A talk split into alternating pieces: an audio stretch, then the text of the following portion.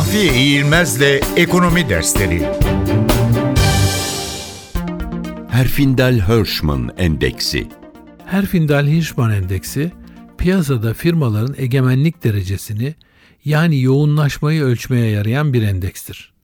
Firmaların tek tek piyasa paylarının ölçülmesinden gidilerek piyasadaki yoğunlaşma ölçülmeye çalışılır.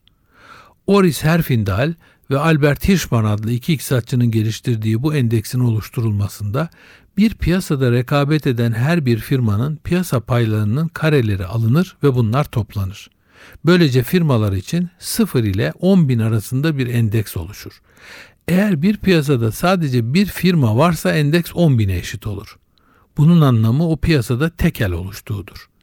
Eğer çok sayıda firma varsa ve piyasa payları birbirine yakınsa o zaman endeks sıfıra yaklaşır. Endeks 100'ün altındaysa yüksek rekabet, 100 ile 1000 arasındaysa düşük yoğunlaşma, 1000 ile 1800 arasındaysa orta derecede yoğunlaşma, 1800'ün üzerinde ise yüksek yoğunlaşma söz konusu demektir.